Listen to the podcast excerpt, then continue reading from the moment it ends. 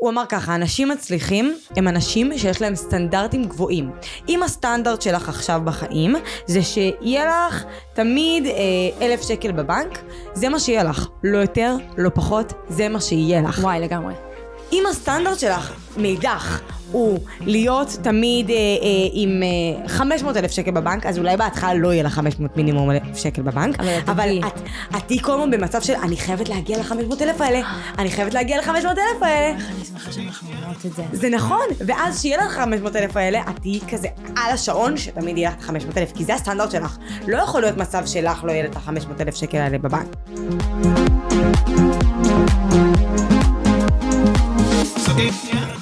ברוכים הבאים לאינבוקס של מישל, שיחות בלי פילטר, והיום אנחנו עם שיר יודפת. שלום שלום. טוב, אז שיר, את משפיענית, מלווה עסקים בטיקטוק, יועצת שיווקית, מנהלת סושיאל, ועכשיו, לפני מה? שבועיים? כן, לא, טיפה יותר, קצת יותר. סוכנת משפיעני רשת, סוכנת, כן, אשכרה. וכל זה, כשאת fucking בת 23. כן, נכון. כאילו, אני, אני בת 21. נו, יש לך שנתיים, אני. עשיתי את זה בשנה. אה, זהו, עשית את, גם עשית את כל זה בפחות משנה. ואני, אה, עוד פעם, אנחנו נדבר על הסיפור שלך, אני יודעת איך הגעת מלהיות מצטיינת דיקן, נכון? כן, במדעי המחשב, במדעי תואר. המחשב, מלפני פחות משנה לעסק שמגלגל ומתקדם וגדל, ואת מרחיבה גם את התחומי העניין שלך, אני יודעת את הסיפור נהייתי הזה. ממונה פתאום, ברוך אלוהים השם. ישמור, אלוהים ישמור, רק כאילו להגיד את כל הטייטלים האלה זה מצמרר. זה ממש. אז אני רוצה שתספרי לי איך הגעת לטייטלים האלה תוך פחות משנה, אני רוצה שנגיע לזה, אבל בואי נתחיל מההתחלה. אוקיי, אז אם באמת נתחיל מההתחלה, אז אנחנו צריכים שנייה ממש לחזור אחורה. כשאני הייתי אה, נערה, היה לי תמיד את החלום הזה, להיות יוטיוברית, רציתי להיות אחד מהאנשים האלה שמקשיבים להם. זה, זה באמת היה העניין, אוקיי? אוקיי. ו... כי אני בחיים האמיתיים שלי לא הייתי מהאנשים שמקשיבים להם, הייתי מאלה שיותר נחבאים לכלים, אהה. וכשלא נחבאתי לכלים, וכשדיברתי, נחשבתי חופרת, אף אחד לא רצה להקשיב לי, צחקו עליי המון. זה מאיזה מקום נכבאים לכלים? כאילו, את היית ביישנית? לא, ש... לא הייתי הביישנית, אלא גם כשאמרתי דעתי, הרגשתי, קודם כל היה תקופה שהייתי בקשנית, הרגשתי שקצרה בחיים שלי, וכשלא נהייתי ביישנית, כשרציתי להתחיל לדבר וזה, בלמו אותי הרבה פעמים, הרבה פעמים אמרו לי שאני לא רוצים לשמוע מה שאני אומרת, כאילו אמרו לי שאני חופרת, אמרו לי שאני מדברת חזק מדי, מי אמר לך את זה? כל הילדות שלי, היה גם שם כזה, אנשים כאילו. בגילך, כאילו? כן, אנשים בגילי, וזה היה, היה ממש סיוט, כאילו ממש, לא, לא, נכבדתי לכלים מבחינתי, כי היום אני, לא הייתי, אם היית מסתכלת עליי שם, היית אומרת, יואו, היא מדברת כל הזמן, היא לא זה. כאילו אבל- נכבד לכלים כי אמרו לך את צריכה להיחבא כן, לכלים. ממש ככה. לא, ילדים זה פשוט עם, זה דבר משהו. אכזרי, ועוד יש זה להם היום. טיק טוק, אלוהים ישמור. טוב.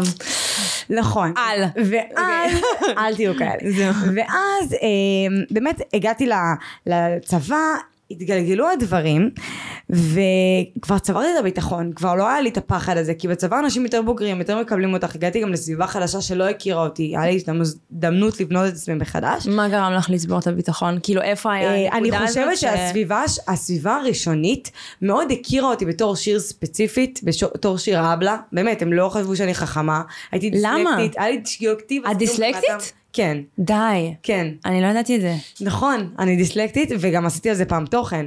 ו...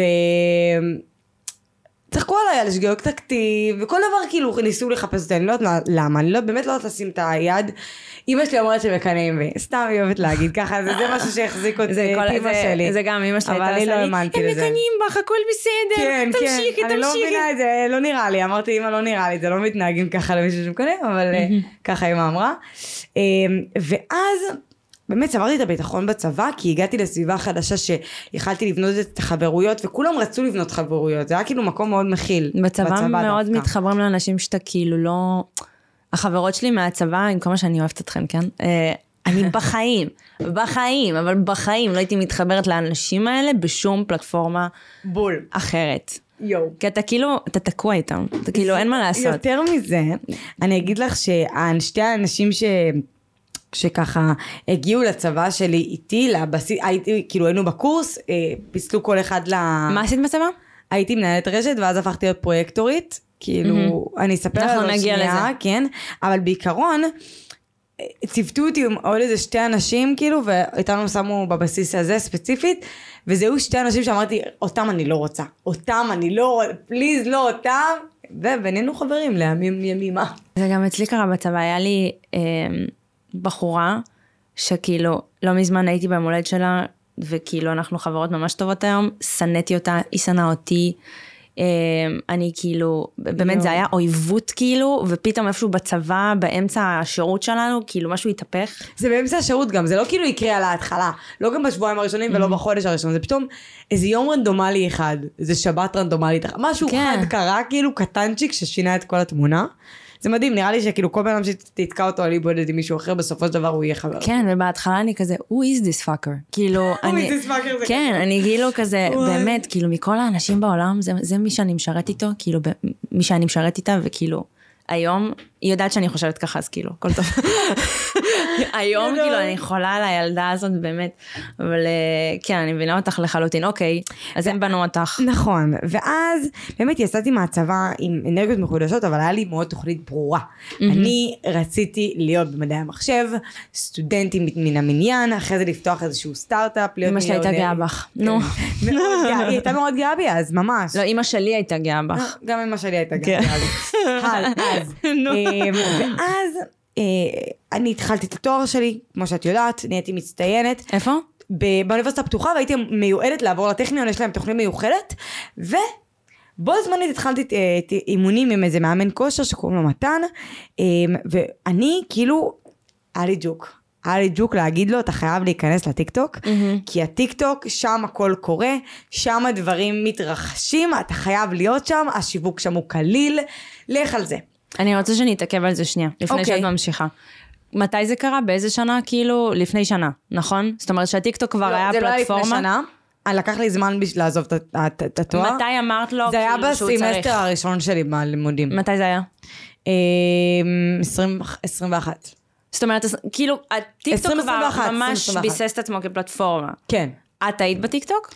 אני צורה, לא, לא הייתי, הייתי כאילו, הייתי בטיקטוק כמשתמשת כזה זהירה כזאתי, שמעלה ריקודים פה שם, לא משהו שהוא רציני. אוקיי, אז כאילו, למה את, היה לך את הקטע להגיד לו את זה, אבל את עוד לא חווית את הפלטפורמה עצמה כאיזשהו... נכון, זה באמת מעניין. אוקיי, כלי. כי אני פשוט, באיזשהו מקום כשיש לך איזשהי חלום אז אתה תמיד מנסה איכשהו להגיע אליו, ככה אני מרגישה. אם אתה באמת, החלום עדיין נמצא אצלך, אתה תמיד תנסה איכשהו לנווט את החיים שלך אליו. אוקיי. Okay. ואני כל הזמן ראיתי יוטיוב על איך להיות טיקטוקר, על איך להצליח, על, על איך אה, להיות ויראלי. תמיד ראיתי את זה, כאילו באמת, כשאני באתי למתן כבר על המאמן כושר שלי, כבר היה לי את הידע סוג של, כי אני פשוט ראיתי את זה כל הזמן. האם התנסיתי? לא. למה לא? אמ, פחד? כי גם פחד, אבל אז זה כבר היה עניין של כזה, עזבי, אני כבר עושה משהו אחר בחיים שלי. כאילו mm-hmm. כבר הלכתי למסלול אחר, זה כבר לא יקרה. זה כן. כבר לא שלי. ככה זה היה. אוקיי. Okay. ואז שכאילו זה היה של מישהו אחר, אז היה לי הרבה יותר קל לבוא ולהציע את הרעיון הזה. Mm-hmm. מבינה? ואיפה השיפט? והשיפט קורה שאני אומרת לו, הוא לא מקשיב לי. ואז אני אומרת, יאללה, נו, אני אעלה סרטון בעצמי ואני אראה לו שזה עובד. העליתי סרטון בעצמי והוא לא הצליח. ואז העליתי עוד סרטון והוא כן הצליח. ואז אמרתי למתן, תקשיב, אני חודש מעכשיו... מה זה הצליח? הצליח, היה לו... היה לו הרבה צפיות, היה לו איזה 250 אלף צפיות. וואו. כן, ואז היה לו באיזה 14 אלף לייקים. כאילו, היה ממש ממש מצליח. ואז okay. אמרתי אוקיי. למתן, תקשיב, אני תוך חודש הולכת להגיע ל-10 אלף עוקבים, היה לי אלף. אמרתי, אני תוך חודש מגיעה ל-10 אלף עוקבים. מאיפה הביצים? אלוהים יודע, באמת, באמת לי שמץ. כי כאילו, מה קשור? ממש. אה, את לא יודעת להגיד כאילו מה... לא, אני פשוט אמרתי, אני הולכת לעשות את זה, אני הולכת להצליח. אגב, הבן זוג שלי, וואי, אני הולכת לדבר עליו כל כך הרבה בפודקאסט הזה. מדהים, אני אוהבת לדבר על בני זוג. אני לא צוחקת. רון, סליחה. אמ, הבן זוג שלי, כאילו, כל הזמן אומר לי, תגידי משהו בקול.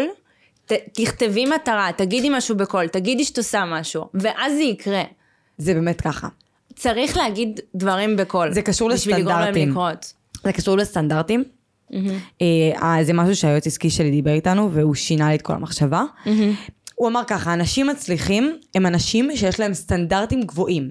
אם הסטנדרט שלך עכשיו בחיים זה שיהיה לך תמיד אה, אלף שקל בבנק, זה מה שיהיה לך. לא יותר, לא פחות, זה מה שיהיה לך. וואי, לגמרי. אם הסטנדרט שלך מאידך הוא להיות תמיד אה, אה, עם אה, 500 אלף שקל בבנק, אז אולי בהתחלה לא יהיה לך 500 מינימום אלף שקל בבנק, אבל אבל. את, את תהיי כל הזמן במצב של אני חייבת להגיע ל-500 אלף האלה, אני חייבת להגיע ל-500 אלף האלה. איך אני שמחה שאנחנו אומרות את זה. זה נכון, ואז שיהיה לך 500 אלף האלה, את תהיי כזה על השעון שתמיד יהיה לך את ה-500 אלף, כי זה הסטנדרט שלך. לא יכול להיות מצב שלך לא יהיה את ה-500 אלף שקל האלה בבנק. אז ככה זה עם כל דבר, ואגב, בנוגע לדבר הזה של הסטנדרטים, אני עכשיו עשיתי לי סטנדרט, אני החלטתי שאני ג'ים גרל. שאני מהבנות, at her. שמכו- יא, מכורות at her. במכון, היום את תראי אותי במכון, אתמול את ראיתי אותי במכון, ואני אומרת כאילו לעצמי, איך בחורה שהיא מכורה למכון מתנהגת. כן, מכורה זה לא מילה טובה, אבל אני החלטתי שזה. טוב לי. אז זהו, אז תגידי לי, אבל אני כאילו, באמת ככה, אני החלטתי, ואני החלטתי שבחורה שמכורה למכון, היא הולכת כל הזמן. ואני לא מסתכלת בכלל על התוצאות, אני פשוט רוצה להגדיר את עצמי כמישהי שהיא מכורה למכון. וואו. זהו. זה הכי אני- נכון, זה הכי זה נכון. ממש ככה, וככה מצליחים. ממש. אז, אז באמת הגדרתי את עצמי, אבל אז, אגב, אז לא ידעתי את זה, את מה שאני אומרת לך עכשיו. זה דברים שלמדתי, כאילו. על בשרך. כן, ממש, ממש למדתי על הבשרי. ו... וזהו, וזה התפתח וזה, והגעתי ל-35 אלף עוקבים, הגעתי באמת ל-10 אלפים עוקבים בחודש, והמשכתי בתואר, הגעתי ל-35 אלף עוקבים, מתן לא פתח? טיק טוק. ה-35 אלף עוקבים אה, קראו, לקח להם הרבה זמן, אבל נגיד את ה-10 אלף בתוך חודש, כשלא הגדרתי את זה לקח לזה יותר זמן. אז ה-35 אלף עוקבים לקח לפחות איזה, איזה, אני חושבת, אה, חצי שנה. אוי, מסכנה. כן. מה אני אגיד לך? אני, יש לי שלושת אלפים עוקבים בטיקטוק שכולם באו בתקופת רוקדים כוכבים, בסדר, את כבר אמרת לי שאני לא טובה בטיקטוק. אגב, אני ושיר נפגשנו, כי הלכתי לסדנת טיקטוק עליה, לא יישמתי כלום, זה היא לא. יישמה כלום, אני, היא התחילה וגם היה ניצנים של כאילו, עכשיו זה לא היה הצלחה מסחררת, כי זה, היא לוקח עוד, כן. זה יש איזה שנייה shift כזה, שעד שאתה מוצא את הסגנון שלך גם, זה משהו שצריך להבין. אבל בגלל זה אנחנו פה, בגלל נכון. זה אני עושה פודקאסט, כי אני לא מצאתי נישה נכונה לי בטיקטוק. בגלל זה אנחנו נכון. בפודקאסט. נכון. ואגב, גם, אני בפודקאסט, כשהתחלתי להגיד שאני אעשה פודקאסט, חודש וחצי אנחנו פה. כאילו, זה כלום. את, את קבעת מטרה ואת הגעת אליה כי קבעת מטרה. והחלטתי שזה משהו שזה אמור לקרות ושמת לזה דדליין. אגב, זה משהו ממש חשוב לגבי הסטנדרטים. אם אתה רוצה להגיע למטרה מסוימת, אני לא יכולה להגיד, אני רוצה הרבה כסף בבנק. כמה? כמה כסף? אני רוצה לפתוח פודקאסט. מתי? מתי? עם מי? עם מי? על מה? עם מי יאללה? בגדול, ב- ב- בקיצור, אז, אז כן, ואז החלטתי לפרוש מהתואר. למה? פשוט, ה- החבר שלי אמר לי ככה, ואני אגיד לכם, זה האמת, אני לא חושבת שחשפתי את זה אף פעם, כי זה נשמע מאוד מאוד, אה, זה נשמע מאוד לעצמי, אבל זה האמת. האמת היא שמצד אחד רציתי לעשות משהו שאני אוהבת, מצד שני, אני בן אדם שתמיד דיבר על זה שאני רוצה לעשות הרבה כסף. הרבה כסף. אמרתי את זה תמיד. אבל אנחנו כאילו חיים עדיין בעולם שהתואר הוא כן משהו שכבר התחיל להתערער מעמדו, בתחומים מסוימים. נכון. אה, אבל עדיין האסוציאציה עם לעשות כסף, עדיין הרבה פעמים הולכת לתואר. אנחנו נדבר על זה עוד שנייה. נכון. אבל אה, בגלל זה, למה המחשבה של אני רוצה לעשות כסף, זה אומר אני לא צריכה לעשות את התואר. אני אסביר לך מה קרה שם. קודם כל, אני רציתי לפתוח אה, סטארט-אפ, וזה היה משהו שיקרה כיזמית, אני פשוט אבוא עם הכסף, אבל זה קצת שונה. זה כזה עוד איזה חצי שנה. אמן, אמן. אה, עם הקצב שלך. גם, באמת, אמן. אמן. אבל, אה, מה שקרה זה. שחבר שלי בא אליי ואמר לי, סליחה, מה אמרת? פשוט כמו רוסיה, טפו טפו טפו. טפו, טפו, זה אנחנו. סליחה, סליחה. מלח מים. יאללה. אז חבר שלי אמר לי, שיר, תקשיבי, מדהים מה שאת עושה עכשיו, את תעשי כסף, אבל לא את הכמויות שאת רוצה. אני דיברתי להיות מיליארדרית, לא דיברתי אף פעם על להיות מיליונרית אפילו, שתביני. אז. אז זה משהו שכאילו, הוא אמר לי, את לא, את לא בדרך הנכונה. אני מרגיש שאת לא בדרך הנכונה. והוא אמר לי את זה, ואני ישבתי בלילה ולא הצלחתי לישון. הייתי עד שעה ארבע ערה, ואז עשיתי סטורי שעד היום הוא, נמצא לי ב highlight. הוא הסטורי הראשון שנקרא המסע שלי, מי שרוצה לראות.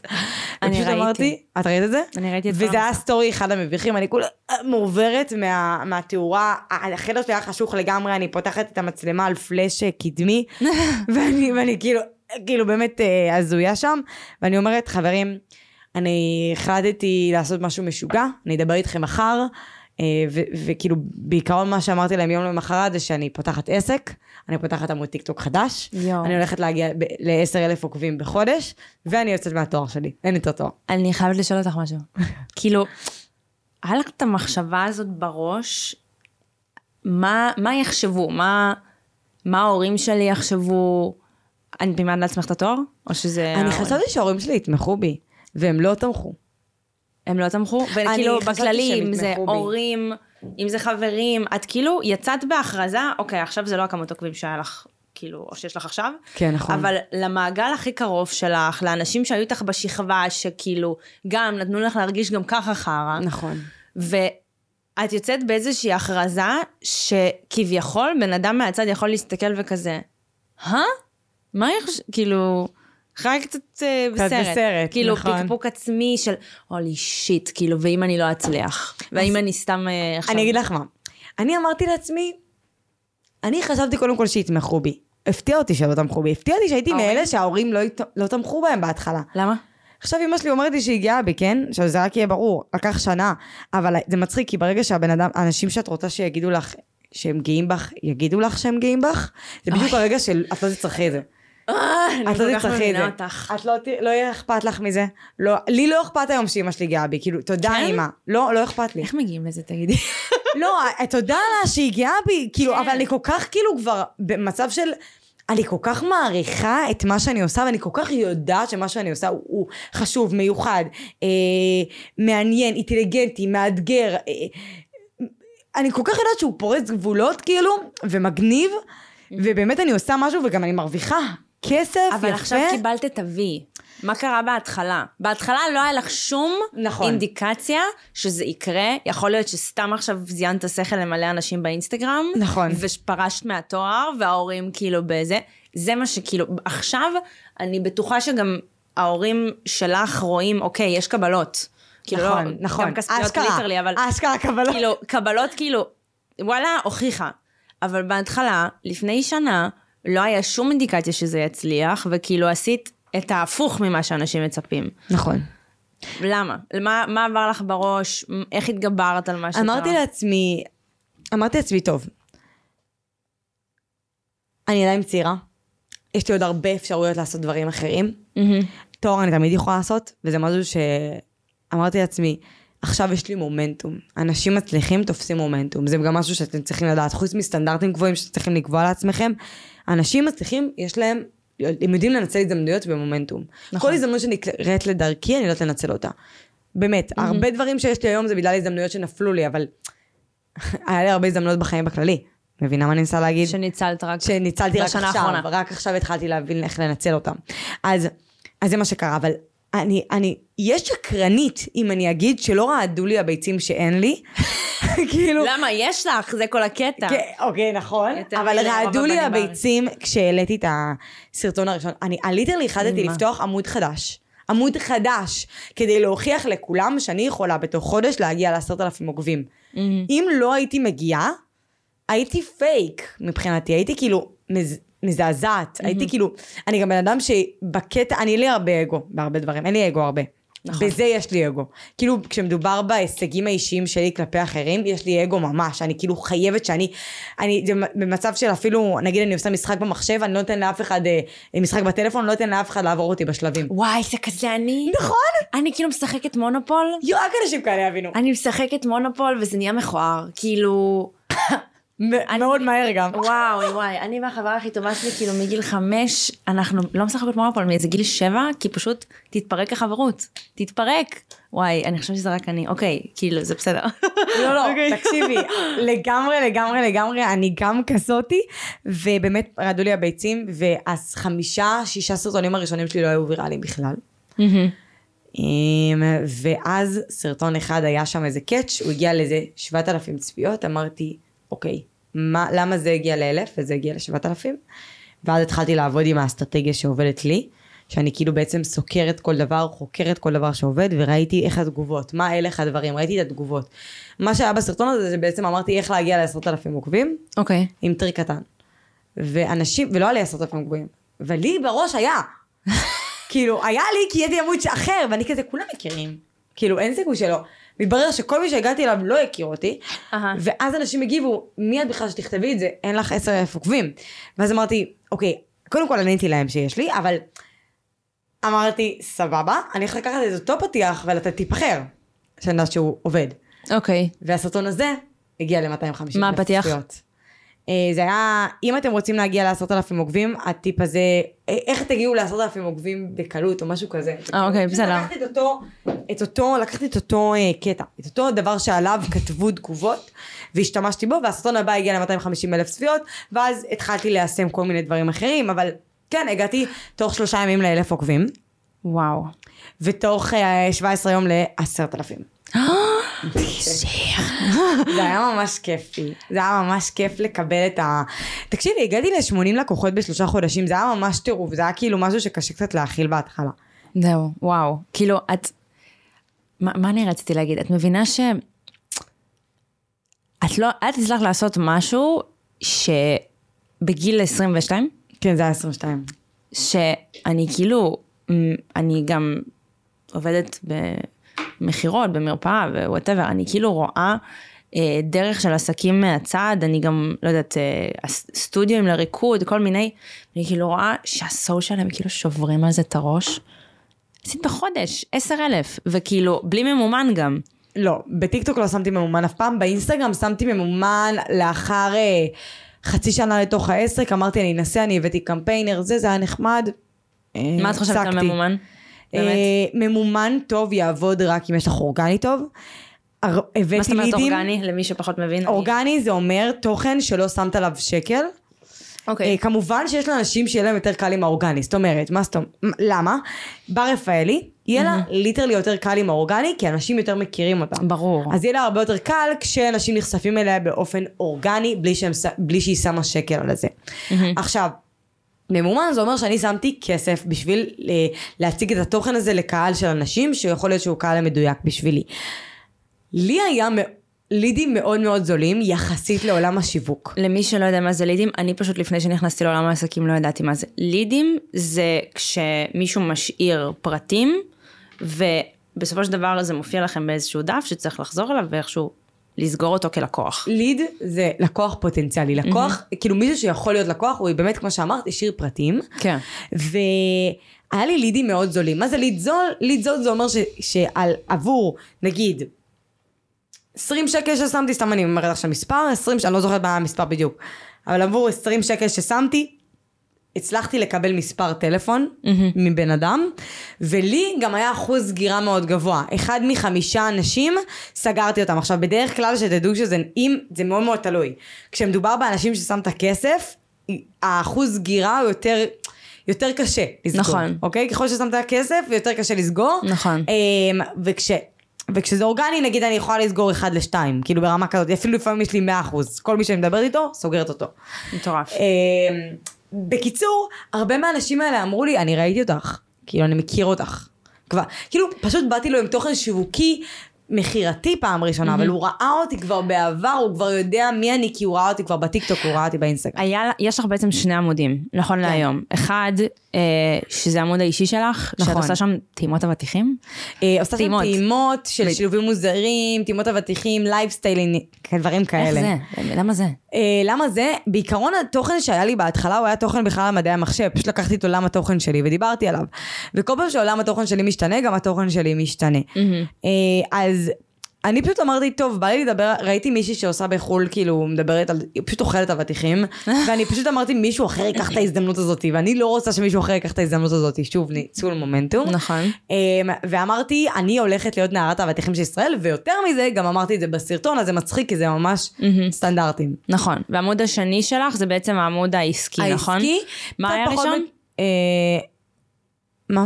מה? היה הראשון? הר- האבטיחים או העסקי? האישי, האישי, האבטיחים, זה היה הראשון. האבטיחים, ה- האישי היה. הראשון, בטח, בטח. משם הגעתי, היה לי 35 אלף עוקבים, ואז החלטתי לפתוח את העסקי, מבינה? כן.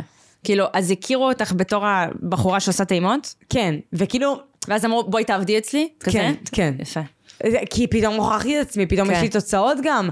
אה, על ה... אני לקחתי 400 שקל לפגישה הראשונה שלי, אי פעם, ואז כל איזה פגישה, ביצים. כל פגישה העליתי את הכסף. זאת אומרת, הפגישה הראשונה הייתה 400, הפגישה השנייה הייתה 650, כאילו הקפיצות לא באמת הגיוניות. אחרי זה הפגישה השלישית הייתה אה, 700, והפגישה הרביעית כבר הייתה 800. הפגישה, לקח לי עוד איזה כמה פגישות, ואז עברתי את זה ל-850, והיום הפגישה הייתי עולה 1,500 שקל. מטורף. כן. אני האמת חייבת לשאול אותך גם על זה משהו. את בת 23. נכון. כאילו, וגם ביצים לעשות מה שאת עושה, לדרוש את הכסף שאת דורשת, שזה מצוין, לא, אין שום, נהפוך הוא. אבל בסופו של יום, את עובדת עם אנשים שיכולים להיות אבא שלך או סבא שלך. נכון. כאילו, הם מנהלי עסקים, ובסופו של דבר, יש פער גילאים. נגיד, גם אצלי בהורגים עם כוכבים, כשרקדתי עם רותם כהן, אני הייתי בת 20 והוא היה בן 42, והעניין של? הפער גילאים, העניין של הפער גילאים תמיד היה אישו, אנחנו היינו אחלה, אבל תמיד היה את הקטע הזה שאני צריכה להוכיח את עצמי, כאילו וואו. שעם כל זה שאני בת 20, אני, יש לי 20 שנה פור על, בתחום מסוים. נכון. אז אה, גם אצלך, זאת אומרת, את אמנם בת 22-3, כשאת אה, התחלת לעשות את זה, אבל היה עלייך את חובת ההוכחה למישהו שיכול להיות fucking אבא שלך או סבא שלך, אני יודעת יותר טוב. נכון, זה קשה. הורגש? אמ, אוקיי, אז קודם כל יש אנשים שמתאים לי להרגיש את זה, ומי שנתן לי להרגיש את זה, הוא לא עובד איתי. damn. לא, רציני. אני בוחרת עם מי לעבוד, ואני יודעת שזה נשמע קצת מצחיק, אבל כל מה שבחרתי לעבוד עם אנשים שאני לא רוצה לעבוד איתם, היה לי ממש קשה, היה לי לא נעים. היה לי לא נעים. עכשיו, אני אגיד לך יותר מזה, רוב האנשי העסקים שפגשתי, נכנסו לקטגוריה מאוד מאוד ספציפית של אנשים נחמדים, מכילים, שיודעים לזוז עם הזמן. מה זאת אומרת? פעם אני הייתי אומרת, בעסק שלי, בחיים אל תשימו ממומן. היום אני לא אגיד את זה. כי היום טיק טוק, יש אנשים שצריכים לשים ממומן. יש אנשים שצריכים את זה, אוקיי? למרות שאנחנו עושים תוכן טוב. אני הייתי צריכה לשנות את המחשבה שלי עם העסק שלי, עם הגלגול של הדברים. אם הייתי נשארת מאחורה, העסק שלי היה נשאר מאחור. אותו דבר עם אנש, אנשי עסקים באמת טובים, חזקים, הם ידעו, זה לא רק בעסקים אגב. זה בכל דבר. זה חברים, זה... אבל בעסקים זה יותר, כי אתה צריך לנוע עם הזמן, והזמן זז נורא מהר, במיוחד בזמנים האלה. אז אם הם יודעים שאני עכשיו אקשיב לבחורה הצעירה הזאת, והיא תיתן לי את הסודות של איך למכור לדור הצעיר, של איך לעשות את זה נכון, איך לשווק בפלטפורמה שהם לא מכירים, ובאמת ייתנו את המושכות, אלה האנשים שהכי הצליחו, ואלה בעלי העסקים הכי חדים וחזקים שהכרתי. יואו. באמת. הם היו הכי חזקים, ואלה באמת היו האנשים שגם, יותר מזה, העריכו אותי בגלל הגיל שלי. הם רצו אותי דווקא בגלל הגיל שלי, הם רצו אותי כי אני צעירה. כי את צעירה. כן, כי אני צעירה.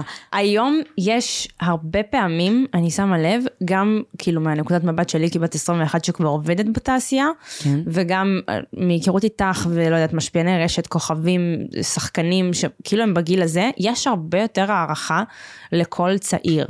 מאוד מעריכים את זה, כי אנחנו צורכים הכי הרבה תוכן.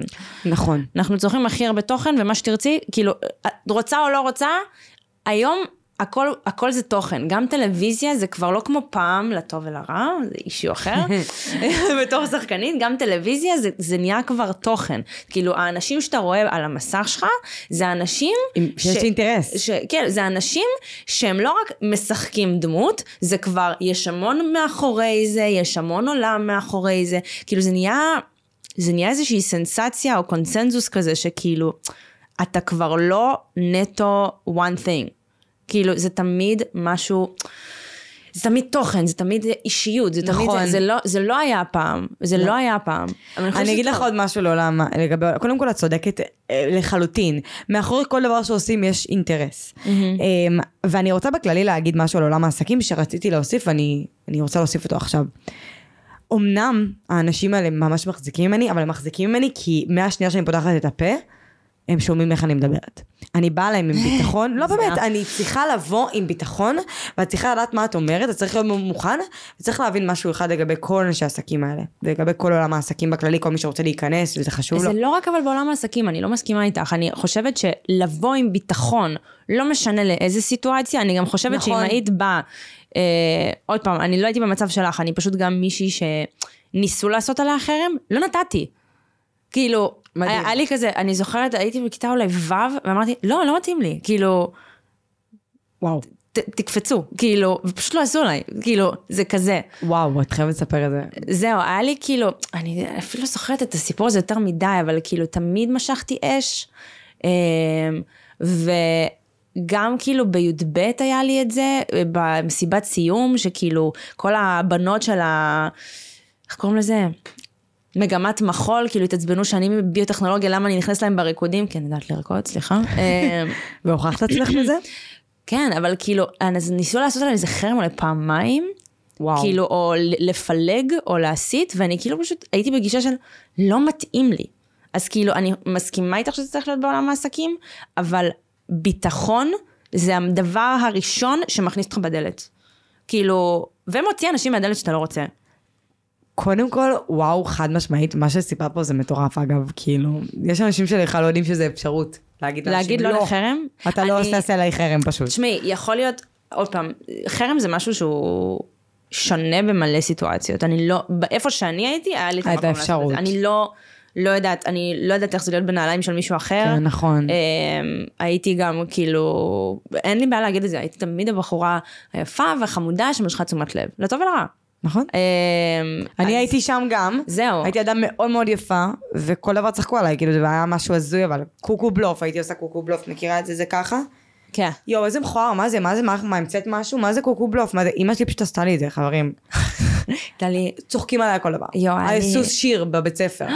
שיר בבית ספר על כל התלמידים, כל התלמידים אמרו משהו יפה, ורק לי היה פעם אחת שראו לי את החריץ, בסדר? אני אומרת את זה כי זה משהו שקרה. ואז תפסו זה את זה, אחלה. יופי, תחת זה מהמם. ותפסו את הדבר הזה, ופשוט אמרו, פשוט עשו שם שורה על זה שתמיד רואים את החריץ. יואו, איזה זין. וואי, ההורים וכולם שלי- אמרו דברים יפים, אה, עמית תמיד שרה, עמית אה, זה תמיד זה, איפה עמית? שיר תמיד רואים את זה. איפה עמית היה? איפה עמית? לא יודעת איפה Nobody עמית knows. בכל מקרה, אז עוד משהו שצריך להבין לגבי עולם העסקים, וגם בחיים האמיתיים, אני מניחה, כי באמת הכל מוגבל, אבל כן בעולם העסקים הכל יותר מוגבר. נכון. אינטרסים, לכולם יש אינטרסים. לכולם יש אינטרסים בעולם העסקים, את צריכה תמיד להבין, אוקיי, למה? למה הוא מביא לי עכשיו את ההזדמנות הזאת, מה הוא רוצה? גם התעשייה ואם זה ככה. הוא לא אומר לך מה, מה הוא רוצה, תיזהרי. אם הוא אומר לך, it's a win-win situation, תני לי פה אחוזים, פה, שם וזה, מדהים, חולה על האנשים האלה. אלה אנשים כנים, אלה אנשים שאפשר לעשות איתם משחקים, אתה יודע מה האינטרסים שלהם על השולחן. מי שהאינטרסים שלו לא על השולחן, יש לו אינטרסים, אבל מאחורי הגב שלך. זה כל כך ככה. זה גם טיפ שאתם בתחומים- חייבים כאילו לשמר אותו, זה אני אומרת לכם. בתחומים אחרים, כאילו כמות אנשים שפתאום נהיו חברים שלי אחרי אה, שעת אפס או משהו יואו. כזה.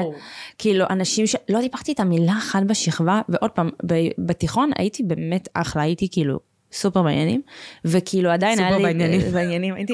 עם איך- הקול קידס. אה, זהו. אה, הייתי דווקא אחלה, הייתי בתיכון כזה בין לבין, I was good. אה, אבל עדיין, כאילו אנשים שהיו בתיכון איתי ופתאום כאילו, שעת אפס, עלתה, יואו, חיים שלי, איך אני שמח, שמחה בשבילך, איך ידעתי. מה, אתם מזיינים לי את השכל? כאילו. באמת. אגב, איך הגעת לזה? Hmm, הגעתי. עשיתי את זה. עשיתי את זה. אה, כן, אבל אה, בסדר, אין מה לעשות, זה זה החיים. זה חלק מהחיים, ואני גם יכולה להבין את זה, גם לי יש את זה לפעמים, מבינה את הרצון הזה לדעת איך מישהו אני אתן לך דוגמה מהחיים האמיתיים שלי. אמ, לא מישהו ש... מישהו שהוא ידיד שלי, אז קחי את זה בחשבון, כן, הוא פשוט חבר שלי. ויש איזה כנס כזה שעושים לטיקטוקרים. ואני אף פעם לא מוזמנת, ואני אני, עד היום אני כאילו, אני אוכל את הראש שלי, למה אתם לא מזמינים אותי? היה כאילו, אחד עכשיו. כמה עוקבים אני עוד צריכה שיהיה לי, אז אני כתבתי לו, כאילו, כמה עוד עוקבים אני צריכה שיהיה לי, ואני אמרתי את זה במטרה להבין אה, מה אני עושה בשביל לה- להיכנס לשם, שקטע שאני חייבת להיות כאילו מוזמנת למקומות. יואו. זה נורא. זה בסדר, כאילו אבל חסך. אני אגיד לך את האמת, וזה משפט שאני הולכת איתו, the best revenge is success. פשוט כאילו, לעשות הכל בשקט, לעשות לגמרי. הכל בזה. למרות שאני עושה הכל ברעש, לא, בסדר. כאילו, ל- לעשות הכל בשקט, לא בקטע של אה, זה, להגיד מה שאתה רוצה, כאילו, לעשות בשביל לעשות את זה. אבל כל ה... נגיד סתם, אפילו עם הפודקאסט, אני אמרתי שאני אעשה פודקאסט, לא אמרתי מי אני עושה את זה, לא אמרתי איך אני עושה את זה, עד, עד היום. וואי. כי, כי זהו, אני הראשונה שתעשה את זה. בצורה הזאת. והנה, את בבקשה. עושה את זה. היי. מלכה.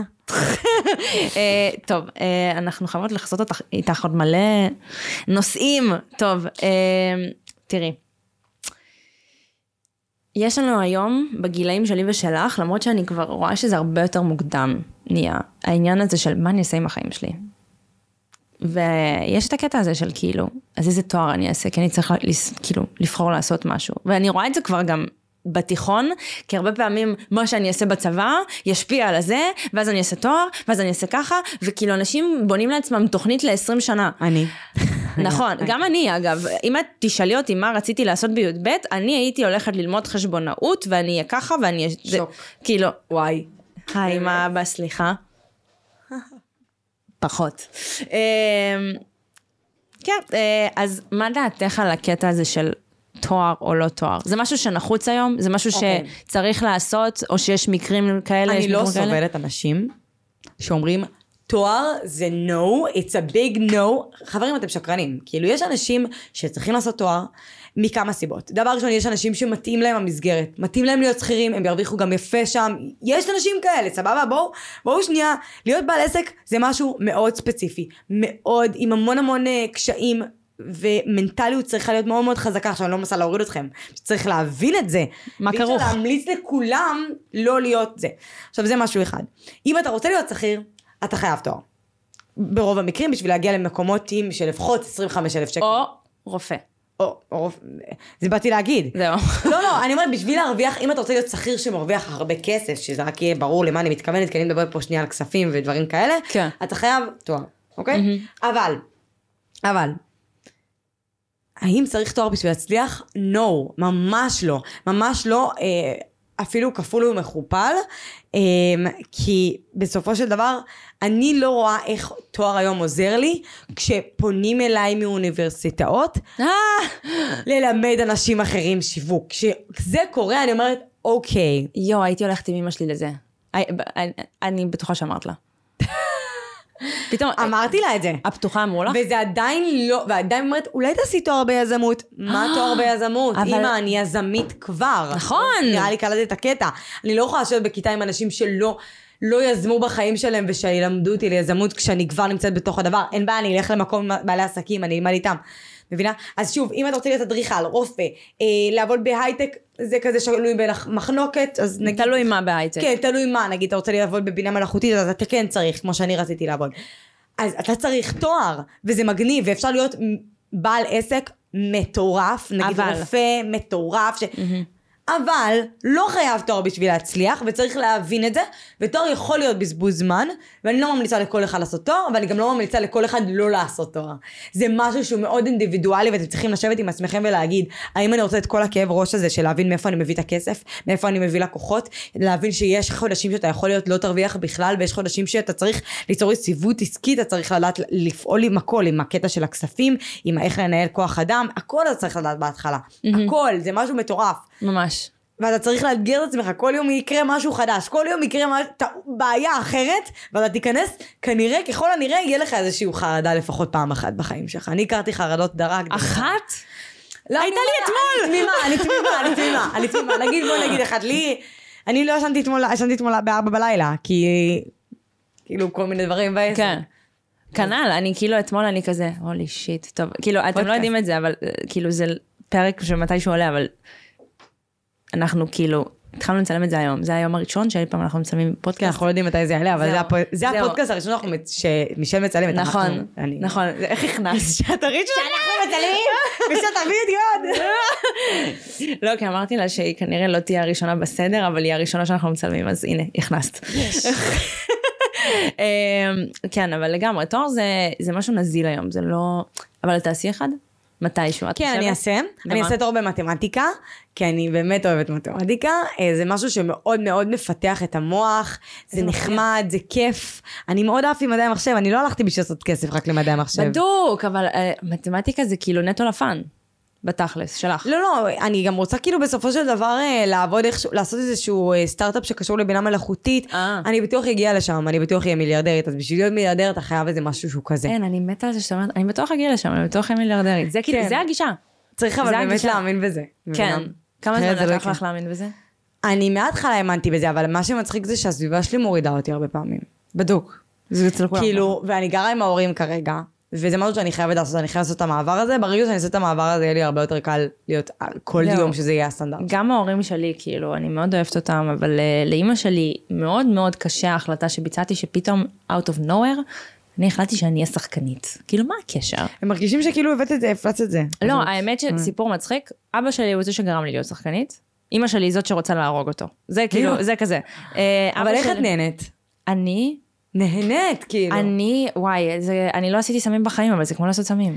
זה כאילו, את לא מאמינה שאת עושה את זה, נכון? זהו, זה ההיי הכי גדול שעשי, כאילו, שקיבלתי בחיים שלי. אני כאילו, אני זוכרת שכשסיימנו לצלם את שעת אפס, אני, אני בכיתי, אני בכיתי, אני, אני רציתי יואו. לעשות את זה שוב, כאילו, אני...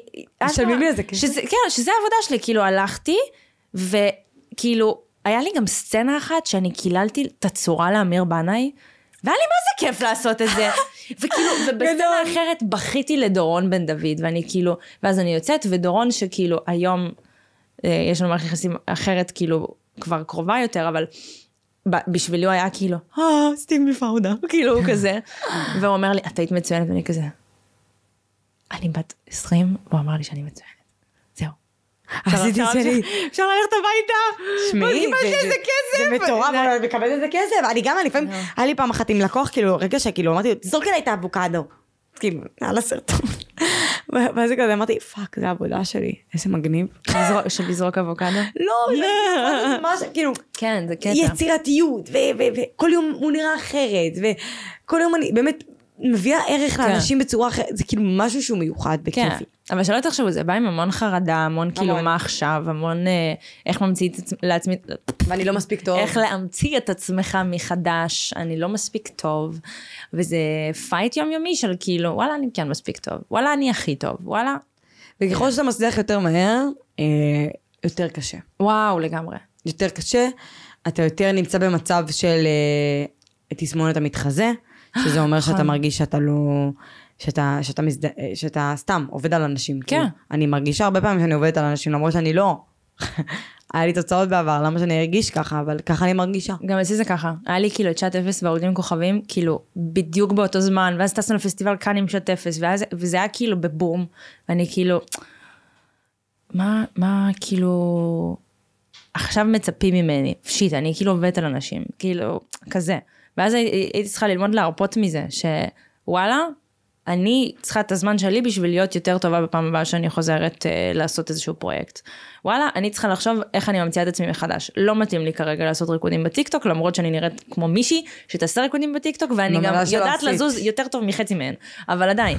אה, לא. זהו, אז כאילו. אבל זה היה מאוד מצופה ממני, ואמרתי, טוב, אני אקח את הזמן, ואני אחזור ואהיה חזקה יותר. היי.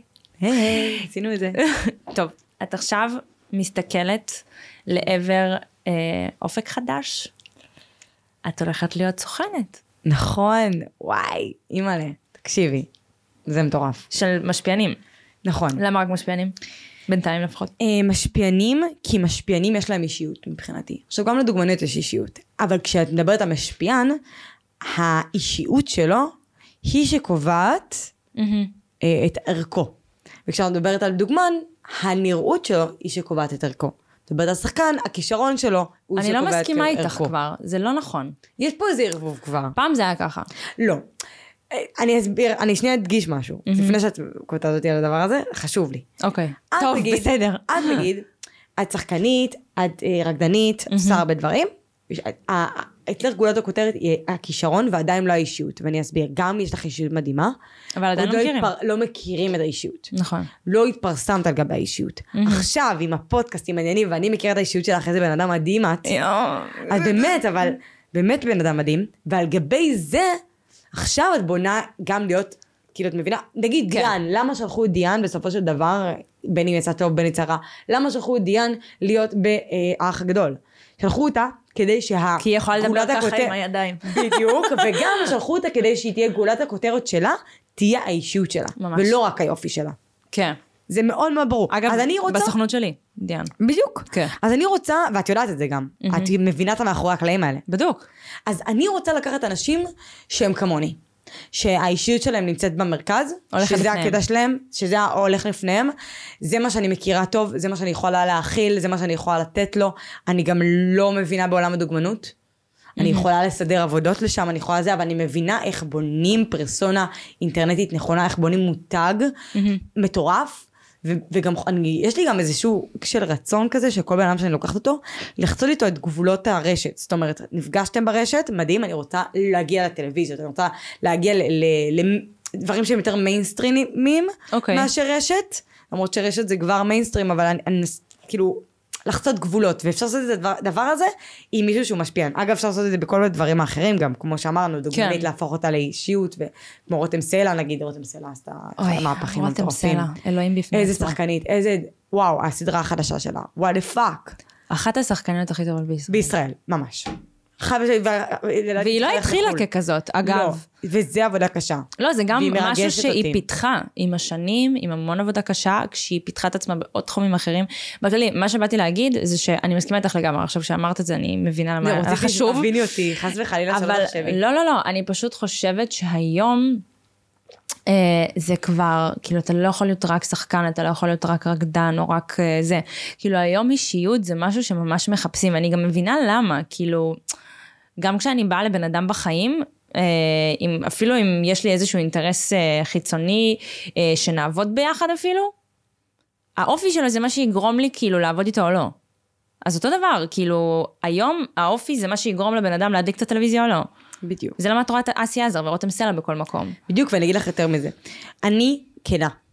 אני מאנשי העסקים שישימו את האינטרסים שלהם על השולחן, כמו שאמרתי לך, אנשים שפחות צריכה לפחד, לפחד מהם. בלי פילטר. אה? ראיתם מה. עשיתי? אני מאמינה ב win win situation. אני אחתים רק, אני, אני, אני, אבל זה נכון, אני אחתים רק מישהו שאני יודעת שיכניס כסף. אני לא אתן למישהו לשבת לי על המדף. קודם כל זה ממש לא עופר לבן אדם הזה, כי הוא מפספס הזדמנויות, כי הוא יושב כאילו על הגד... הוא יושב כזה על המדף. היה לך סיפור עם סוכנויות אגב. אה, אני צריכה לספר את זה. סיפור, אני אספר את זה. ספרי. אה, זה הזמן. אני אספר עכשיו, אני אספר עכשיו, עכשיו, הרגע. יאללה. אז אה, אני בעצמי מאוד רציתי, היה לי את החלום, זוכרים? שאמרתי שהיה לי חלום להיות נכון. זה, רציתי בכלל להיות גם דוגמנית, רציתי לעשות הרבה דברים, אוקיי? אה, וזה לא עבד, כי כל סוכנות שבאתי אליה לא רצו, ואפילו נתקלתי באחת הסוכנויות היותר, שעושות תרמיות כאלה. לא נגיד היה שמות? משהו מוזר, לא נגיד שמות, כאילו משהו? להיות שחקנית, באתי בכלל להיות אה, ניצבת, כאילו משהו כזה. אוי. אה, כאילו שהוא יהיה סוכן שלי בניצבות או משהו ויביא לי עבודות, אמרתי יאללה מה אכפת לי, כסף. יאללה כבר זה כבר רק העניין של הכסף זה אפילו בלי העניין של החלום.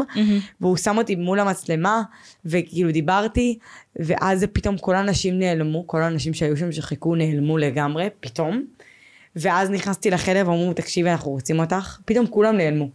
אוי. פתאום אנחנו רוצים אותך, את רק צריכה לחתום על המסמך הזה עכשיו, ולשלם. ואת לשלם לנו 15,000 שקל, ואת פה איתנו, אנחנו רק צריכים שתעשי איזה קורס אה, משחק כזה. אוי, אמרתי להם, תקשיבו, מה קשור משחק? אני ניצבת, ואז התלהבתי קצת, אני, כי אני מאוד ח... מאוד כמה היית? חולמנית. לא הייתי כזאת אה, מבוגרת, הייתי בת איזה 18. אוי, זה כלום. וזה היה בדיוק לפני הצבא או משהו, ואבא שלי בא איתי ואמר, למה אתם צריכים להחתים אותה עכשיו, והיא לא יכולה לחכות אפילו יומיים. לא, כי הקורס עכשיו מתחיל וזה וזה אני ופה חייבת ושם. לעצור אותך לשנייה ולהגיד את זה לאנשים שמאזינים בתור מישהי שכבר בתוך העולם. אם סוכנות, ויש פה הרבה אנשים, אני, יש הרבה אנשים ששואלים אותי את השאלה הזאת, איך להגיע לסוכנות או משהו, אם סוכנות מבקשת מכם לחתום על משהו באותו זמן, לשלם על משהו, אם זה בוק, אם זה קורס משחק, אם זה לא יודעת ביצים שלי, סבבה? לא עושים את זה. סוכנות שמאמינה בכם, תאמין בכם שהיא תרוויח מכם את הכסף הזה בעתיד, והיא תיקח את הסיכון, והיא לא תעשה את זה, היא לא תבקש מכם לחתום על אה, סוכ... איזה משהו דרקוני ולשלם 7,000 שקל, שאני אספר לכם, אין כזה דבר, קורס משחק שעולה 7,000 שקל. עשיתי אלף. עשיתי אלף קורסי משחק, צריכה לשחק איכשהו, לא? אז עשיתי אלף קורסי משחק, זה לא עולה ככה, אין כאלה מחירים. זה לא, נכון, זה, זה לא ויותר עושה את מזה זה. אני אגיד לכם, בתור סוכנת, למה? שאני, קודם כל, אם אני באמת מאמינה בבן אדם הזה, אני רוצה להחתים אותו עכשיו. את הבנות שלי, אה, שאני סוכנת שלהם היום, שזה גל תמם וטל תמם, נכון לפודקאסט זה אני הסוכנת שלהם, שזה מרגש מאוד, בנות מדהימות, מוכשרות, חכמות, מדהימות, אני באמת, אני גם חברה שלהם, אני חולה עליהן. הייתי קודם כל עוקבת, בוא נגיד ככה. והבנות האלה, קודם כל, לקח, נתתי להם שבוע, הם עשו שבועיים, אז יאללה, בכיף. לקחו, תוך שבוע החתמתי אותם. ויותר מזה אני אגיד לכם, בחיים לא עלה לי אפילו לראש לבקש מהם כסף, הרי אני הולכת להרוויח מהם כסף, כי אני הולכת להביא להם עבודות, נכון? נכון. אנחנו שמים את האינטרסים על השולחן שנייה? למה שאני אבקש מהם כסף? זה נראה לי אבסורדי. לבקש כסף ממישהו שאתה הולך להיות שותף בתוך העסק שלו זה אבסורד, כי זה מה שזה להיות סוכן, אתם צריכים להבין. סוכן הוא חלק שותף בתוך העסק שלכם, זה גם כתוב בחוזה שיש לי עם הבנות. אוקיי? זה מגיע מעמלות, הכסף של הסוכנים, שיהיה מאוד ברור. כן, כאילו, אם, אתם, אם הם מביאים לכם עבודות, אני מרוויחה סכום אחוזים מסוים, סבבה? אמ, שמגיע אליי. הסכום אחוזים הזה, ככל שהעסקאות יותר גדולות, אני מקבלת יותר כסף, לכן אני תמיד מנסה שהבנות שלי ירוויחו כמה שיותר כסף. נכון. ברור שאני גם מבינה הצד של הבעלי העסקים, וגם הצד של הקמפיינים, כי היה לי תקופה שגם ניהלתי קמפיינים, אז אני מבינה את כל הצדדים, אבל בכל מקרה, אני אגרום לבנות שלי להרוויח את הכי הרבה כסף שהן יכולות להרוויח מעסקה, ותמיד תמיד שהן יהיו מרוצות מהמוצרים, ושזה יהיה נכון אסטרטגית. יש עבודות שאנחנו לוקחים כשהן לא נכונות אסטרטגית. כאילו, דבר נוסף שאמרת, שהלכתי עם אבא שלך, אני גם הלכתי עם אבא שלי. אבא שלי, אה, חיים שלי. אין לנו. אה, אבא שלי זה שהביא אותי לסוכנות, הוא פשוט שלח אה, לסוכנות שלי מאחורי, אגב, אה, דברים ממסיבת סיום שלי עם פלייבק. זה מדהים. אלוהים יודע איך החתימו אותי, אבל ברוך השם. אבל בבקשה, אם אתם בני 18 ומטה, אני גם חושבת ש-19, 20, 21 זה לחלוטין לגיטימי, כי אין לכם את הניסיון בעולם הזה. תבואו עם לא בהכרח הורה, אבל איזה מישהו מבוגר שאתם סומכים עליו ועל השיקול דעת שלכם. אבא שלי, מה שהוא עושה למחייתו, זה משא ומתן. כאילו, הוא מתעסק עם חוזים, משא ומתן, אז כאילו, מדהים. זה, ידעתי שזה הבן אדם לבוא איתו. וזה בסדר, זה לא אומר עליכם כלום, זה אומר שאתם מספיק חכמים לדעת, שאתם עדיין לא מספיק חכמים לדעת לבד. זהו, זה בסדר גמור, לא לעשות את זה, הכל טוב. כאילו, מושלם. לא לבוא לבד. בבקשה, אל תעשו את זה, כי אז יבוא איזה סוכן, ש... אוי, my precious, ו- וזהו, לא צריך. אה, נורא. כן. אה, מה התוכניות שלך בתחום הניהול? אה, בתחום הניהול משפיעים, לאן את רואה את זה? סוכנת.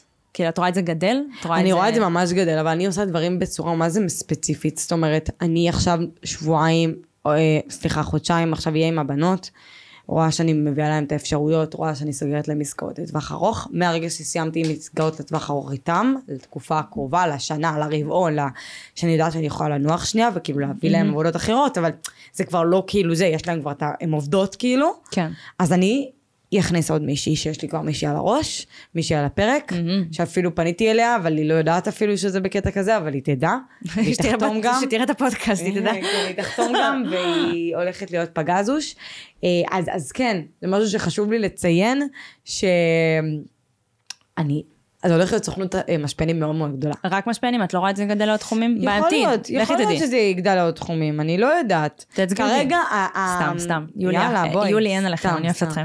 אה, אני אגיד לך מה, כרגע זה יותר במקום כזה של אני יודעת שיש לי את הקשרים בתחום הזה. אהה. הכל בסוכנות, סוכנים יש להם קשרים, הכל אצלם זה קשרים. מבינה? זה, זה מה שקורה שם, כן. אנשים לא מבינים את זה. קשרים. כל העולם של הב- הביזנס זה קשרים. לא רק ביזנס, אגב, בכללי, networking, אני ממליצה לכל בן אדם, גם אם אתם בני 17, גם אם אתם בני 30, ללכת ולהתחבר עם כל בן אדם שאתם יכולים. אתם בחיים לא יודעים איפה אתם תיפגשו איתו בדרך. כאילו, הלכתי איתה, כאילו, הלכתי אליה לפאקינג קורס. ותראו מה קורה עכשיו, כן. תראו איזה הזדמנות גם בשבילי, גם בשביל. מישל, יש לה מישהי מעניינת אצלה בפודקאסט, אני השתתפתי פה בפודקאסט? שהולך להיות אחד המעניינים. בואי, כנראה שכן, אנחנו. מדברות פה כבר 52 דקות, כנראה שמעניין. זהו, וואי, 52, יש לנו עוד נושא. יאללה. אוקיי. טוב, אמ, ככה. It's a אנחנו win-win, דיברנו המון על דברים אה, יותר אה, כאילו עסקיים ורשתיים, ונכון. אבל יש עוד נושא שאת מאוד פתוחה עם העוקבים שלך לגביו, ואני חושבת שזה מאוד חשוב שנעלה את זה, כי אני כמישל אה, מאוד צורכת מידע שהוא לא קשור בנטו בית ספר, כאילו אם זה מודעות מינית ומחלות מין ו... לא יודעת, דימוי גוף, כאילו כל דבר שאני יכולה לצרוך ולהשאיר את הידע שלי יותר, אני אצרוך. ומה שראיתי אצלך זה משהו שלא ידעתי עליו, ואני מאוד מודעת לכל מה שקשור במחלות, אני הכי היפוכונדרית בעולם. oh my god. וראיתי כאילו את כל המסע שלך עם סרטן השד. נכון. אני רוצה שתספרי על זה שנייה, כי אני לא חושבת שאם אני ידעתי, יש המון אחרים שידעו, שסרטן השד זה משהו שיכול לפגוש אותך בגיל כזה צעיר, ובואי תסבירי. אז קודם כל חשוב לציין, סרטן השד לא פגש אותי, הגן של סרטן השד כן, פגש סליחה. אותי. אה, ואני אסביר שנייה מה זה אומר. קודם כל, הכל התחיל מזה שבדודה שלי, בגיל 27, אה, חלתה במחלה הנוראית. 27? כן, 27, שזה גיל סופר צעיר למי שמבין נכון. בתחום. ממוגרפיה, מאיזה בדיקה מתחילים לעשות? ממוגרפיה זה בדיקה לסרטן השד. ממוגרפיה אה, מאיזה מתחילים בגיל 25, אבל עדיין, זה עדיין. ה-25 זה כאילו אה, כביטוח כביכול, אבל כן. היום יש מקרים גם הרבה יותר מוקדמים, והיא חלתה ונפטרה אני לא זוכרת בדיוק את הגיל שהיא נפטרה, זה קרה ממש השנה, לא יודעת, סליחה, את הגיל שלה, לפעמים אני אומרת כן. 31, לפעמים 32. אמא שלי אמרה לי עכשיו שזה 30, אז אני כאילו כל הזמן שנה, אז אני. אני פשוט יודעת שהיא כאילו חלתה, והבת שלה בת שלוש, אז כנראה שזה 30, ואני טעיתי כל הזמן הזה. היא חלתה, בגיל, היא נפטרה בגיל 30. אמ, אה, אה, שהיא ילדה מאחורה, היא חלתה כשהיה, כשהיא נכנסה להיריון, בהיריון. אמ, וכשהיא גילתה על זה, היא סיפרה לנו, המש, כאילו, המש, כאילו לא כשהיא גילתה, גם היה שם סוג של הסתרה, לא סיפרו לנו בהתחלה, כי היה כזה סוג של בושה וזה חבל. בושה, למה? לא יודעת, דוד שלנו, דוד שלי לא סיפר. אבל זה מחלה, זה לא שהיא נכון, בזה. ולא סיפרו לה, וההורים שלי מאוד כעסו, ואז אה, אחרי שנתיים זה חזר לה, זה כאילו נפטרה מזה, היא חשבה, אבל זה מה שקרה לה זה שהיה לה סרטן גרורתי, סרטן גרורתי זה גרורות, זה הכי גרוע שיכול להיות, זה סרטן שהוא זז ממקום לחקום, כאילו אה. ליטרלי נעלם לה מכאן, והוא עבר לה למוח, אז נהיה לה מכאן סרטן זה המוח. השד למי שמאזין כן, ולא צופה. מכאן זה מה, הוא מהשד? אה, הוא עלה למעלה למוח שלה, אוי ואבוי. אה, וככה היא חלתה בסרטן המוח כאילו בסופו של דבר, ורק אז שהיא מצבה קשה, אה, אז הוא אמר לאבא שלי ללכת להיבדק. ולאחותו, שאחותו נמצאת בסיכון מאוד גבוה, לאחותם, לאח, לדודה שלי כאילו אין בכלל את הגן, אז הכל טוב. לאבא שלי, הוא הלך לבדוק את עצמו, אם לאבא שלי לא היה את הגן, לי לא היה את הגן. זה כאילו, נכון. שזה רק יהיה ברור, נכון. נכון. הבטן שלי מקרקרת, זה שזה יהיה ברור. אה, אבל לאבא שלי כן היה את הגן, ולי היה כבר את התחושה שאם לאבא שלי יש את הגן, לי יש את הגן. היה לי גם תחושה מההתחלה, לא, אתה היה לי, אולי הבאתי את זה על עצמי, אבל היה לי תחושה שהולך להיות לי את הגן. ובאמת. כשבדקתי, כן, בדקתי בגיל נורא צעיר, ניסו כאילו להזיז? אותי, גיל 20 או 21, משהו כזה, וכל הזמן, 21, וכל הזמן ניסו להזיז אותי, ניסו להגיד לי, אל תעשי, אל תבדקי, אל תבדקי את עצמך, כי זה, למה את צריכה את זה בחיים שלך, בואי תעשי בדיקות בכללי, ואל, תבדקי את הבדיקה באמת לדעת. אמרתי, אני בן אדם שחייב לדעת. מה זה משנה אם אני לא יודע? אם אני אדע, אני, יש דברים לעשות. אם אני לא אדע, יופי, אני צריכה להירגע. אז כאילו, מה, מה, כאילו, מה, למה שאני לא אדע? נכון. מבחינתי זה היה עניין של כאילו, אין, אין פה אפילו שאלה. באמת נבדקתי ובאמת גיליתי שיש לי. אה, אחרי שגיליתי שיש לי את הגן, גיליתי שיש לי את הגן, יש שתי גנים שאפשר לקבל, זה אחד מהשתיים, BRCA1 ו-BRCA2. אה, שתיהם זה גנים שיש להם סיכון למחלת אה, סרטן השד ולמחלת אה, סרטן השחלות. אני קיבלתי את ה-BRCA1 שזה 70 עד 80 אחוז זה לחלות. השחלות? שחלות. כן, זה שחלות. יש לי 70 עד 80 אחוז לחלות בסרטן השד. וואו. בכללי שתדעו אם חס וחלילה לבן זוג, הזוג שלי ואנחנו רוצים להביא ילדים לעולם ויש לו את ה-BRCA2, אה, אז אנחנו לא יכולים להביא ילדים. למה? כי זה גן שאם יש לך את שתי הגנים האלה הילד פשוט לא שורד, אלא אם כן יש, אנחנו יכולים להביא ילדים, אלא אם כן כאילו יש אה, הפריה כאילו, חוץ ועושים, גופית, כן. כן, ועושים איזה כל כן. מיני דברים. לא ניכנס לזה? לא ניכנס עכשיו, זה פחות מעניין, כאילו, אבל אה, אני החלטתי שאני... אוקיי, אני אגיד לכם את האמת, בהתחלה קיבלתי את הבשורה הזאת בשוק, וזה עבר לי נורא מהר, כי אמרתי, אני הולכת לעשות עם זה משהו. כאילו, אני קיבלתי את זה לא סתם, וזה מה שהחזיק אותי, זה סוג של התרפיה שלי, העובדה שאני משתפת את, את כל התהליך, אפילו, אפילו עשיתי ניתוח, הרופא הפלסטיקאי שלי, דוקטור, אה, פרופסור ברנע, הפרופסור הכי טוב בתחום, הכי טוב, אה, אה, הוא אמר לי, אני צריכה לעשות שתי ניתוחים, ניתוח אחד של הקטנה והרמה של החזה, וניתוח הבא, אם אני רוצה, זה אה, כריתה ושחזור. מה זה כריתה? כריתה זה בעצם להוריד את כל הסיכויים שלי מ-80-70 אחוז ל-5-2. סבבה? שזה שזה כלום. כלום. אה, ומה זה אומר? מוציאים את כל, מוציאים את כל תכולת השד, את כל הרקמה, את כל הרקמה, הרקמה היא זאתי, ש, רקמת השד היא זאתי שגורמת לנו בעצם mm-hmm. לחלות. ברגע שנוציא את כל רקמת השד, אה, אנחנו יכולים לשים שתל, אוקיי? Mm-hmm. אז רקמת השד לא מוציאה פלסטיקאי, מוציאה אה, הכירורגית, שאני כן. בחרתי דוקטור, אה, דוקטור דפנה ברסוק, יש לי כבר תאריך, אה, והוא קבע לי שתי? ניתוחים. אני יכולה לשאול? כן, את יכולה לשאול, יכול להיות שזה קצת ישתנה, אבל בעיקרון זה אמור להיות העשירי לחמישי. זה עוד שנייה. כן. זהו שנייה, ואני הולכת לשתף את כל התהליך, אמ, וזה באמת, באמת, באמת מרגש אותי, כאילו. אני לא צוחקת. את מרגישה פחד באיזשהו מקום, או שמה מה זה נותן לך להרגיש? כאילו, שאת הולכת לבצע הליך שאני לא חושבת שרוב הבנות בגיל שלנו עושות. כן, האמת שרוב הבנות לא עושות. הרוב כן. המוחלט לא עושה. אה, אני חושבת שככל שעושים את זה יותר מוקדם, אתה יותר נזהר, כן מאוד מאוד קשוח הרופאים. אני חייבת להגיד לכם, אם אתן הולכות לזה, אתן צריכות לדעת להיות עם אוזניים סגורות. מה זאת אומרת? הרופאים אומרים דברים לא במקום. גם רואים את זה? אגב בסדרה של רותם, אה, רותם סלע, שבדיוק דיברנו עליה. גוף שלישי? גוף שלישי. כמה אה, פרסום אנחנו עושים בסדרה הזאת? כן, סתם ככה יצא. פשוט ראיתי את זה. הם אומרים לי דברים כמו, חייבות לך להיפרד ממך. כאילו, זה ממש כאילו כזה. מה? למה שהם יגידו את זה? הרופאים שלי לא. אגב, הרופאים שאני בחרתי, אני יודעת שהם לא יעשו לכם את זה, והם רופאים מאוד מכילים ומדהימים ומקסימים, אז אני ממליצה לכם. הייתה רופאה שאמרה לי, הניתוח הזה הוא מפלצתי, את מבינה את זה? באותה נשימה שהיא אמרה את זה, היא אמרה, את חייבת לעשות אותו רק עוד שנתיים. אז מה, למה את אומרת לי את זה בכלל? כאילו זה נכון לעשות תיאום ציפיות, אני מסכימה, אין אבל בעיה זה לא בלהגיד, אה, יש, אין בעיה בלהגיד, תשמעי, לא הניתוח הזה. הוא ניתוח מורכב. כן. אה, הולך, לא הולך להיות לך תחושה בחזה, את לא תרגישי אותו.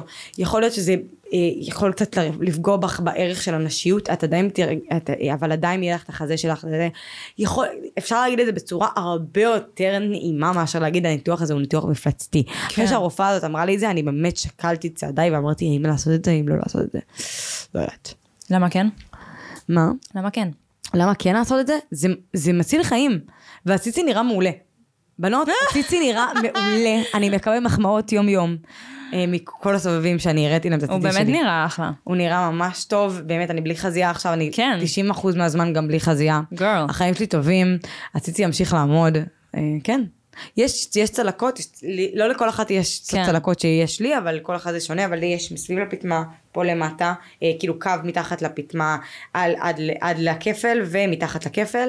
לא רואים את זה עם חזייה של בגד ים, שזה מה שחשוב לנו, וזהו, מושלם, כאילו. גם אם רואים זה בסדר. אפילו נפגשתי, אגב, עם, אגב, אם מדברים על סוכנים מזעזעים, נפגשתי עם סוכן שרצה להחתים אותי, לא רוצה כסף, אבל טרח להגיד לי לדחות את הניתוח שלי. איזה? כאילו, נכנסתי לתוך השיקולים הרפואיים, והראה לי תמונה של מישהי שהוא נפרד ממנה. מה? שכן, הוא- היה לו איזה חברה שהוא נפרד ממנה, כשהיא עשתה את הניתוח בגלל הצלקות שלה, אז הוא הראה לי את התמונה הזאת בשביל להראות לי כמה זה נורא, וכמה כדאי לי לחכות עם זה, ושזה יהיה לא נעים.